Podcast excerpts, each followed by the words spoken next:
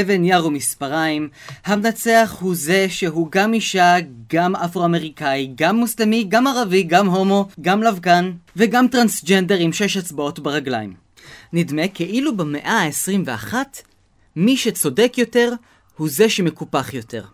אז למען הפרק הקרוב, בואו נניח לרגע את הפוליטיקלי קורקט בצד, ולשעה אחת, כלומר 20 דקות, ננסה ללכת בעקבות האמרה התלמודית אין האסיר מתיר את עצמו מבית האסורים.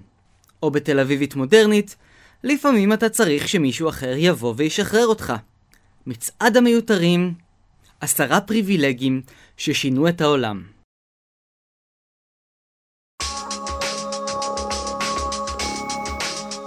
העשירייה, פודקאסט על עובדות מיותרות עצות מוזרות ונקודות מבט תודה שהצטרפתם אליי. אני מורדי חנני, והיום אנחנו עומדים לדבר על עשרה אנשים מרחבי ההיסטוריה שנלחמו למען עמים אחרים, אנשים ממעמדות אחרים, ממגדרים אחרים, משפות אחרות, מדתות אחרות. לא כולם היו טובי לב, לא כולם פעלו מתוך אלטרואיזם חסר גבולות, ועדיין הם שינו דברים, ניסו לשנות דברים, ויש סיכוי טוב שאם הם היו נולדים היום, כבר מזמן באמצע הדרך היו צועקים להם, היי hey, פריבילגים, תנו לנו להילחם בשקט, אל תעזרו לנו, לא צריך טובות. אגב, אני מסייג את מה שאני אומר, כי אחת מהמשתתפות שלנו בעשירייה הזו היא דווקא מישהי שחיה בה כמה שנים האחרונות, ולא, אני לא מדבר על רייצ'ל דוליזל, האישה שהתחזתה לאפרו-אמריקאית ועמדה בראש התנועה למען אפרו-אמריקאים בארצות הברית. בואו נצא לדרך עם עשרת הפריבילגים שעשו דברים טובים עם הפריבילגיות שלהם. מקום עשירי לא מאוד מוצלח, אבל לורנס איש ערב. תומאס אדוארד לורנס היה ארכיאולוג, דיפלומט וסופר בריטי אשר השתתף במלחמת העולם הראשונה בתור חייל בצבא הבריטי. הוא למד היסטוריה באוניברסיטת אוקספורד, ובאחת מחופשות הסמסטר הוא יצא לטיול במזרח התיכון, ביקר בסוריה של היום, התאהב בתרבות הערבית וגם באישה אחת, לא ערבייה, גרטרוד בל, ארכיאולוגית שחייתה בבהירות ופעם פטל בעל כורחה ששכנעה אותו להישאר וללמוד איתה ערבית.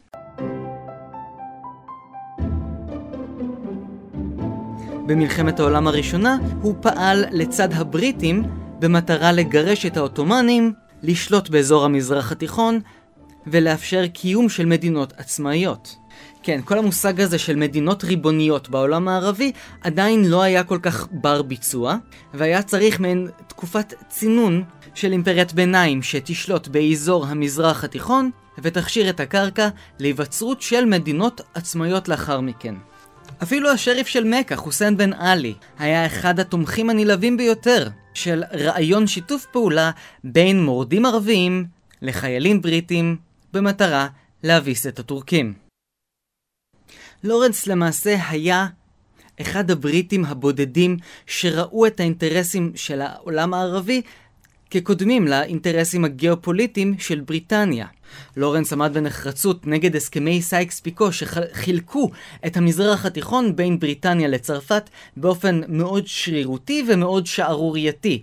כזה שיצר מדינות כמו סוריה, שהיו מורכבות משישה עמים שונים, שהיה ברור לחלוטין שהם יילחמו אחד בשני, וישאירו את השלטון של המזרח התיכון למעשה בידיים אירופאיות, שיעמדו מרחוק וייתנו לערבים לטבוח אחד בשני.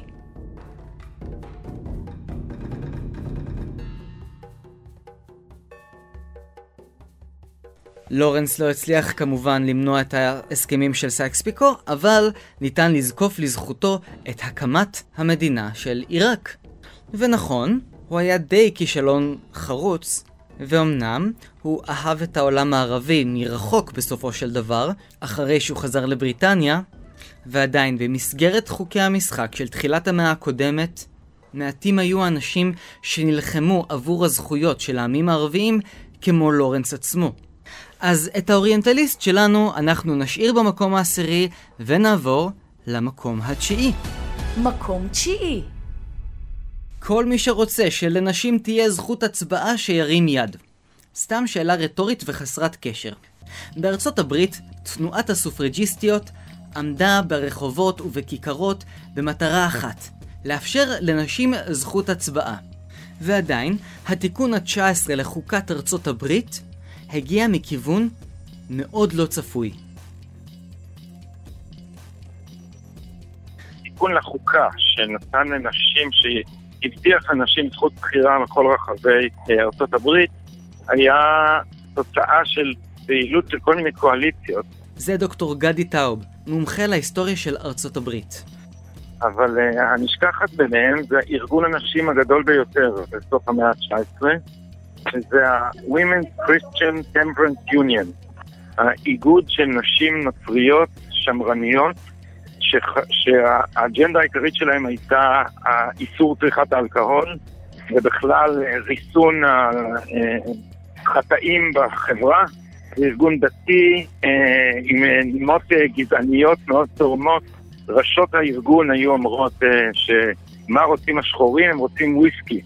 ולכן אה, דחוף לאסור אה, את האלכוהול כדי למנוע את זה שהם ישתוללו ויפרעו את הסדר ויקלקלו את התרבות הנוצרית הטהורה. אז הנשים שנלחמו למען זכות הצבעה לנשים לא היו פריבילגיות מבחינת מעמד או כסף, אבל עדיין הן נלחמו כדי לשחרר את הנשים בכללותן, ואין לדעת, יכול להיות שהתנועה הסופרג'יסטית פשוט לא הייתה מספיקה, אלמלא מאות אלפי הנשים האמריקאיות שהיו הגרסה המוקדמת של שולי מועלם.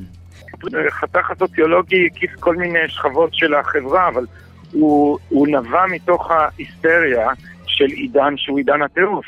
בעידן הטירוף הייתה אווירה צדקנית, שמרנית ודתית מאוד חריפה כריאקציה לתהליכים של האיור, של התיעוש, שפרעו את הסדר. אז ארגונים שמרניים באופן מיוחד היה להם כר אה, פורה לפעילות שלהם, ו... אה, אה, כי הם הבטיחו לאנשים שאנחנו נשמור על הסדר מפני כל הפראים האלה. ואנחנו נעבור למקום השמיני. מקום שמיני. אוסמה בן לאדן. טוב, כשאני אמרתי שלא כל מי שנמצא אצלי ברשימה הוא בן אדם בהכרח חיובי, התכוונתי ספציפית לאוסמה בן לאדן. הטרוריסט התימני מתקשר אוטומטית באוזניים של רובנו לפיגועי ה-11 בספטמבר. אבל עם זאת, בן לאדן את מרבית הקריירה שלו הוא עשה בכלל באפגניסטן. עכשיו, בואו שנייה אחת רגע לפני שנצלול לתוך ההיסטוריה שלו, ומי הוא היה, ומה הוא למד, ואיך קוראים לאחותו, בואו נזכר רגע בעניין אחד חשוב. אפגנים הם לא ערבים. זה מאוד קריטי. בעולם הערבי, אבא מתימן לא היה מחתן את הבת שלו לעולם עם חתן מאפגניסטן. בעולם המוסלמי יש הפרדה מוחלטת בין ערבים ללא ערבים. אז איך קורה שאוסמה בן לאדן יוצא לעזור דווקא לאלו שהם לא ערבים? הסיפור שלנו מתחיל ספציפית בשנת 1979, כאשר הסובייטים פלשו לאפגניסטן. האפגנים התנגדו לאותה הפלישה בטענה שהם משתתפים בחלק מהג'יהאד הבינלאומי נגד הכופרים. גם ארצות הברית תמכה באפגנים מכיוון שהיא ראתה בפלישה הסובייטית בתור איזשהו חלק מהמלחמה הקרה. בשנת 1981 לאוסמה בן לאדן נמאס לחיות בסעודיה, יש למשפחה שלו יותר כסף ממה שהוא יכול לדמיין. הוא כבר מיצה את כל הבריכות ואת כל הג'קוזים, וקריקט על גב גמלים, אוסמה בן לאדן היה אדם עם המון כסף והמון זמן פנוי. שילוב מאוד מסוכן. ועל כן הוא מחליט לצאת לעיר פשוואר שבפקיסטן, ובמשך חמש שנים הוא גייס כסף לשיקום של פליטים, סלילת כבישים ויצירת מקלטים עבור המורדים שחיו באפגניסטן. הוא אפילו השתתף באופן אקטיבי בקרב בעיר ג'לאלבאד. את שאר הזמן הוא היה מעביר בכל מיני הרצאות דת אצל המורה הפרטי והרוחני שלו, עבדאללה עזאם, וביחד הם הבינו את הגדולה של ביצוע פעולות ראווה של טרור במטרה לעורר תסיסה, לגייס את ההמונים, לשנות את סדרי העולם, והכל במינימום מאמץ. אבל החלק החשוב והעיקרי של הפעילות של בן לאדן הייתה בניסיון ההסברה שהעולם המוסלמי הוא אחד, אם המטרה שלהם היא קירוב הגאולה, סעודים חייבים לעזור לתימנים, תימנים חייבים לעזור, לעזור לאפגנים, ואפגנים חייבים לעזור לפקיסטנים. בן לאדן עזר לעם האפגני, תרם עבורם כספים, גייס כספים, בנה להם מקלטים, סלל להם כבישים, וזה לא בגלל שהוא בהכרח אהב את האפגנים יותר מכל. הוא פשוט חיפש נקודה בעולם שתשמש לו מעין מעבדה לראות איך המוסלמים יכולים לעזור אחד לשני כדי להילחם בכופרים שבאים מבחוץ. כן, למזלנו הרב הוא לא ניסה את הניסויים שלו במזרח התיכון דווקא קרוב לגבול שלנו. בן לאדן רצה לבדוק את התיאוריות שלו, ככל הנראה, במקום קצת יותר רחב, עם קצת יותר מיליונים של אנשים וקצת יותר עמים. פקיסטנים, בלוצ'יסטנים, אפגנים, כל מיני כאלה שנלחמים בדוב הרוסי, נעזרים באמריקאים, בואו נראה מה יצא לנו מזה. אז זה היה אוסמה בן לאדן, ואנחנו נעבור לפריבילג קצת יותר נחמד, סימון בוליבר. מקום שביעי. סימון בוליבר נולד בקרקס בירת ונצואלה. הוא היה בן של הורים ממוצא אירופאי, ובגיל צעיר מאוד הוא התייתם. נשאר לו הרבה מאוד, הרבה מאוד כסף, והוא גדל עם משרתים, נסע לאירופה, התחנך, למד בספרד, חזר לוונצואלה, ואז הוא החליט לעשות מעשה. לגרש את הספרדים. תראה, המאבק בשלבים הראשונים אה, עדיין לא נושא את דגל הקמת מדינות הלאום. זה פרופסור רענן ריין מאוניברסיטת תל אביב, שחוקר בין השאר את ההיסטוריה של דרום אמריקה. המאבק בשלבים הראשונים הוא מאבק על uh, עתיד הנוכחות ההיספנית והאופן שבו הדברים ייעשו בעקבות הפלישה הנפוליאונית uh, לספרד וסוג של ואקום שנוצר בקצה של הפירמידה השלטונית באמריקה הספרדית. ולכן המאבק שמתחיל להתנהל הוא uh, מאבק שנועד להבטיח המשכיות היספנית, כאשר הצאצאים של הכובשים ושל הפקידות האימפריאלית הם אלה שלוקחים את השלטון אה, לידיהם. אנחנו נמצאים באיזשהו רגע של... אה, הם עכשיו מנסים אה, לקחת לידיהם את השלטון. טוב, איך שאנחנו נשנה את הגלגל, בדרום אמריקה אוהבים את סימון בוליבר. ואנחנו נעבור למקום השישי. מקום שישי. מיכאל גורבצ'וב. הפריבילג הבא שלנו לא היה משחרר עמים, הוא היה שמש העמים. כלומר, היורש של שמש העמים. זה קצת מוזר להכניס את מיכאל גורבצ'וב בשורה אחת עם מהפכנים, עם מורדים, ופה ושם גם איזשהו טרוריסט. ועדיין, מיכאל גורבצ'וב עשה את מה שאף אחד בהיסטוריה לא עשה לפניו. וזה לא בגלל שהוא היה חייב, הוא פשוט רצה.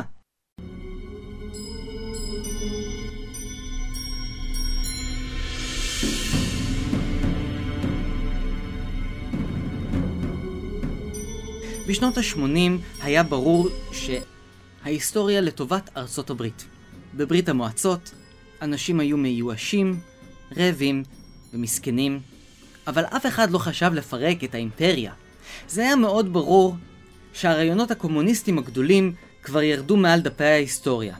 אבל אסטוניה וליטא עצמאיות, קזחסטן לוקחת לעצמה את מדבריות הנפט ואת תחנת החלל הרוסית? מי חשב על דבר כזה? מיכאל גורבצ'וב. הוא חשב על זה. ונכון, זה נשמע לנו הגיוני שפה ושם יש איזשהו מנהיג שאומר אינני יכול עוד. או איזה נשיא שמסתבך באיזה פרשת ווטרגייט ומחליט להתפטר.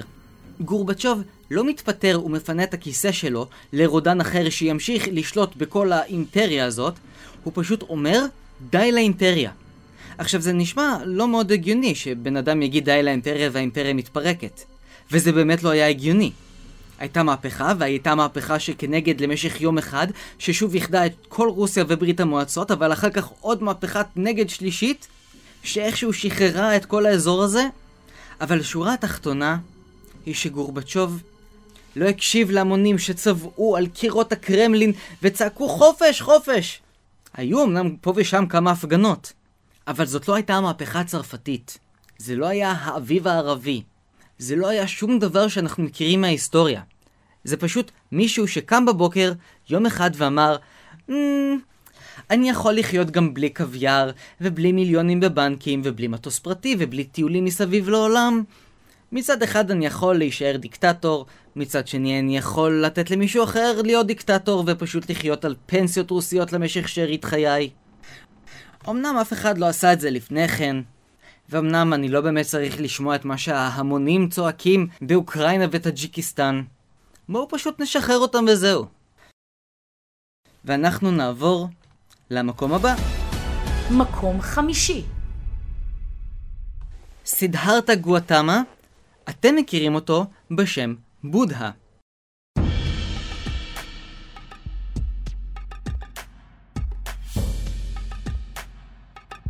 כדי לעזור לאנשים אחרים, לפעמים כדאי פשוט להיבהל מהם. המקרה של סידהרתה גואטמה הוא בדיוק המקרה הזה. מי שהפך בימי חייו לבודהה נולד לפני 2,500 שנה בממלכת שקיה, נפאל של היום, ובמשך 30 השנים הראשונות לחייו הוא חי בתוך ארמון מוקף משרתים, אוכל טוב, מסאז'ים עם שמנים ופרת מחמד שחיה איתו במיטה. בגיל 30 בודהה יצא לטיול מחוץ לארמון ולראשונה הוא נתקל בחיים שלו בסבל, בעוני, במחסור וברעב. אקצר את הסיפור ורק אדגיש את הבלבול שהבודה היה שרוי בו. בקצרה, הוא פשוט ישב מתחת לעץ, ישב וחשב עד שנפלה עליו ההארה. חיים זה סבל. מוות זה סבל. לידה, רעב, מחלות, הכל זה סבל. ומה חשוב בחיים האלה? להשתחרר מהסבל. איך משתחררים מהסבל? שאלה מצוינת, לא לפרק הזה. אבל התורה של הבודה, התורה שהייתה אמורה לגאול, ועדיין אמורה לגאול את העולם מסבלותיו, היא תיאוריה שהגיעה דווקא ממישהו שלא היה חסר לו כלום. יכול להיות שאני מאוד מרדד כאן את כל הנושא של הבודהיזם, אבל מה שחשוב כאן זה שהבודה לא היה מעין נזיר שנולד בכפר קטן והיה רואה עיזים כל חייו, אלא נסיך, ילד שמנת מפונק, שרק בגיל 30 ומשהו הבין משהו על החיים או על הקיום האנושי, והתחיל לסחוף אחריו מאמינים. ואנחנו נעבור למקום הרביעי. מקום רביעי. לנה דנהאם. לחלק מהמאזינים שלי שלא יודעים מי זאת, אסביר בכמה משפטים. לנה דנהאם היא יוצרת טלוויזיה אמריקאית, שחקנית, תסריטאית, במאית, שבגיל 26 הוציאה לטלוויזיה את הסדרה שלה בנות.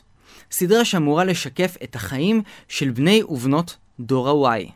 המינוסים, החלומות הגדולים, הלימודים היקרים והניצול המחפיר. קודם כל היא מוגדרת כפריבילגית כיוון שהיא פריבילגית. זאת צליל אברהם, העורכת והמגישה של הפודקאסט שסיקר את העונה האחרונה של בנות בכאן. לינה דנאם גדלה במנהטן, mm-hmm. אבא שלה, קרול דנאם, הוא אה, אומן מצליח, אימא שלה, לורי סיימון, היא צלמת מצליחה, היא כתבה בספר שהיא הוציאה, שבגיל 19 היא פגשה לראשונה בחיי הרפובליקני, והיא מספרת שם עוד סיפור, שכשהיא הייתה ילדה הם היו מזמינים, ההורים שלה הזמינו טייק um, אווי לארוחת ערב, לעיתים כל כך קרובות, שערב אחד um, נשמע צלצול פעמון בדלת, והיא בתור ילדה אמרה, אה, אבא, ארוחת הערב מוכנה. אז הסיבה הראשונה היא שהיא פשוט, היא, היא באמת פריבילגית, היא באה מאיזשהו אה, מעמד בורגני אומנותי ניו יורקי מאוד גבוה ועתיר זכויות.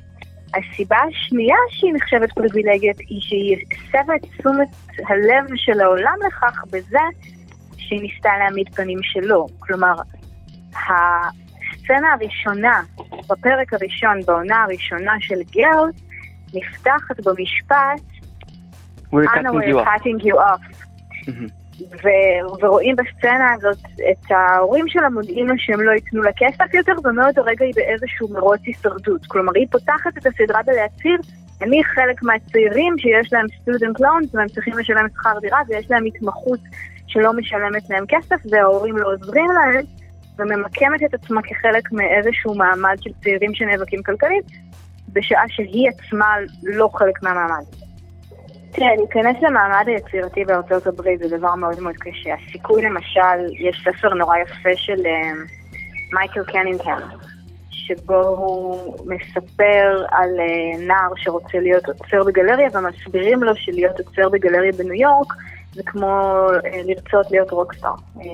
לגרום לאנשים האלה לשים לב שאתה קיים בעיר שמגיעים אליה האנשים הכי מוכשרים והכי מצטיינים מכל מדינה בעולם. לבלוט בין בוגרים של אוניברסיטאות ששכר הלימוד בהן הוא 30 ו-40 אלף דולר בשנה. זה דבר מאוד מאוד קשה, שולט שם מארג מאוד צפוף של נטוורקינג. וכשאנשים מכירים את ההורים שלך, את המשפחה שבאת ממנה, את המוסד שלמדת בו, זה נותן לך יתרון התחלתי שקשה מאוד להתחרות בו. בת של לינה דנה בסדרה, האנה, שגדלה במישיגן לזוג הורים, לא הייתה יכולה ככל הנראה להגיע אה, להישג של לכתוב סדרה ל-HBO בגיל 26. אז לסיכום, פריבילגית או לא, מישהו היה צריך לכתוב את הסדרה הזו, ויותר חשוב, מישהו צריך להפנים את הסדרה הזו. ואנחנו נעבור למקום השלישי. מקום שלישי. משה רבינו, האיש שהוציא את עם ישראל מעבדות לחירות, לא ידע מה זה להיות עבד במשך מרבית חייו. משה חי וגדל בארמון של פרעה, הוא לא ידע מחסור, הוא לא יודע מה זה לעמוד מתחת לשמש הקופחת ולבנות פירמידות או כל דבר היסטורי אחר שאמור להוכיח שבני ישראל היו עבדים, אבל בכל מקרה, כל השינוי התפיסתי של משה היה כאשר הוא צפה באיש מצרי מכה עבד עברי, ואז הוא הבין שאנחנו נמצאים כאן בבעיה. ספק גדול האם עבד עם שרירים דפוסים ויבלות על הידיים היה מצליח לעשות את מה שמשה עשה. בעיקר מבחינה תפיסתית. בעיקר מבחינת אורח המחשבה. בין השאר, תחשבו על העניין הזה שעבד לא ידע מה זה לא להיות עבד. הוא ידע שיש אדונים, הוא ידע שיש אנשים שמכים אותם, אבל רוב העבדים לא יכלו לחשוב לעצמם מה זה לקום בבוקר ויש לך אוכל על השולחן. איפשהו הפער הזה הוא ככל הנראה היה סוד ההצלחה של משה במאבק שלו למען השחרור של בני ישראל. ואנחנו נעבור למקום השני. מקום שני קרל מרקס זה אולי יישמע לרבים מכם מאוד מוזר, אבל קרל מרקס לא הכיר פועלים במשך כל חייו. למעשה, לפי הספר של פיי ג'ונסון, אינטלקטואלים, מרקס מעולם לא ביקר בבית חרושת, במכרה, בסדנת יזע, במתפרה או בכל בית מלאכה אחר. האישה הענייה ביותר שהוא הכיר הייתה המשרתת שלו, שהוא דרך אגב מעולם לא שילם לה, משרתת שילדה לו בן מחוץ לנישואים, מה שגרם לו בסופו של דבר להתכחש לשניהם. קרל מרקס גיבש את כל התפיסה שלו מישיבה בספריות, קריאה של דוחות והרהורים בינו לבין עצמו. כל המסקנות לגבי המצב של הפועלים המסכנים, כל זה היה מעין תרגיל פילוסופי שמרקס ניסה לפתור סוג של בתור תשבץ היגיון. ולמרות שקרל מרקס יצר את הקומוניזם שהחריב את רוסיה ואת סין ועוד חצי עולם, למרות כל זה, קרל מרקס הכניס לתודעה לראשונה ככל הנראה בהיסטוריה את ההבנה שעובדים הם לא בובות ריסוק שאפשר לקחת אותם, לזרוק אותם על הקיר, לפטר אותם, להטביע אותם בנהר, לא לשלם להם, לקחת מהם, די, חלאס. אז איכשהו הפוץ הזה, הפריבילג ממגדל השן, הצליח לעשות משהו טוב למען המין האנושי. ואנחנו עוברים למקום הראשון. ובמקום הראשון בנימין זאב הרצל. זוכרים שלפני שניים שלושה מקומות דיברנו על משה רבנו? אז יש לנו בדיוק את אותו סיפור, רק שלושת אלפים שנים מאוחר יותר. נכון שבנימין זאב הרצל לא גדל בארמון מצרי, אבל הוא חי במשפחה של מתבוללים.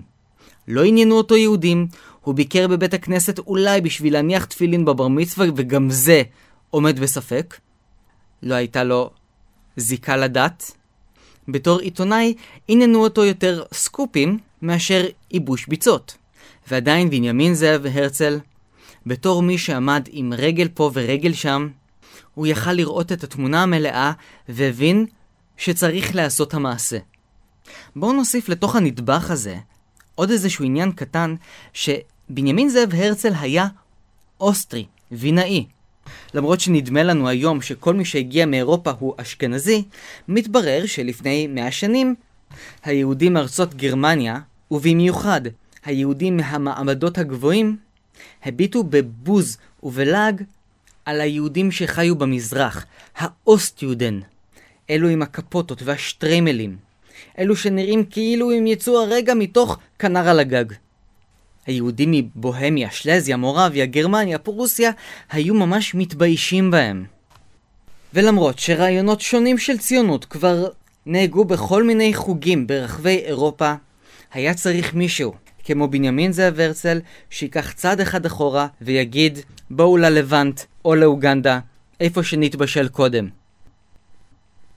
תודה רבה לכם שהאזנתם לי. אתם מוזמנים לעשות לייק בדף של עושה רוח בפייסבוק. אל תשכחו את רשימת ההרצאות שלי לארגונים ולאירועים ולחוגי בית. הכל מופיע אצלי בדף של עושה רוח ובאתר האינטרנט. תודה רבה.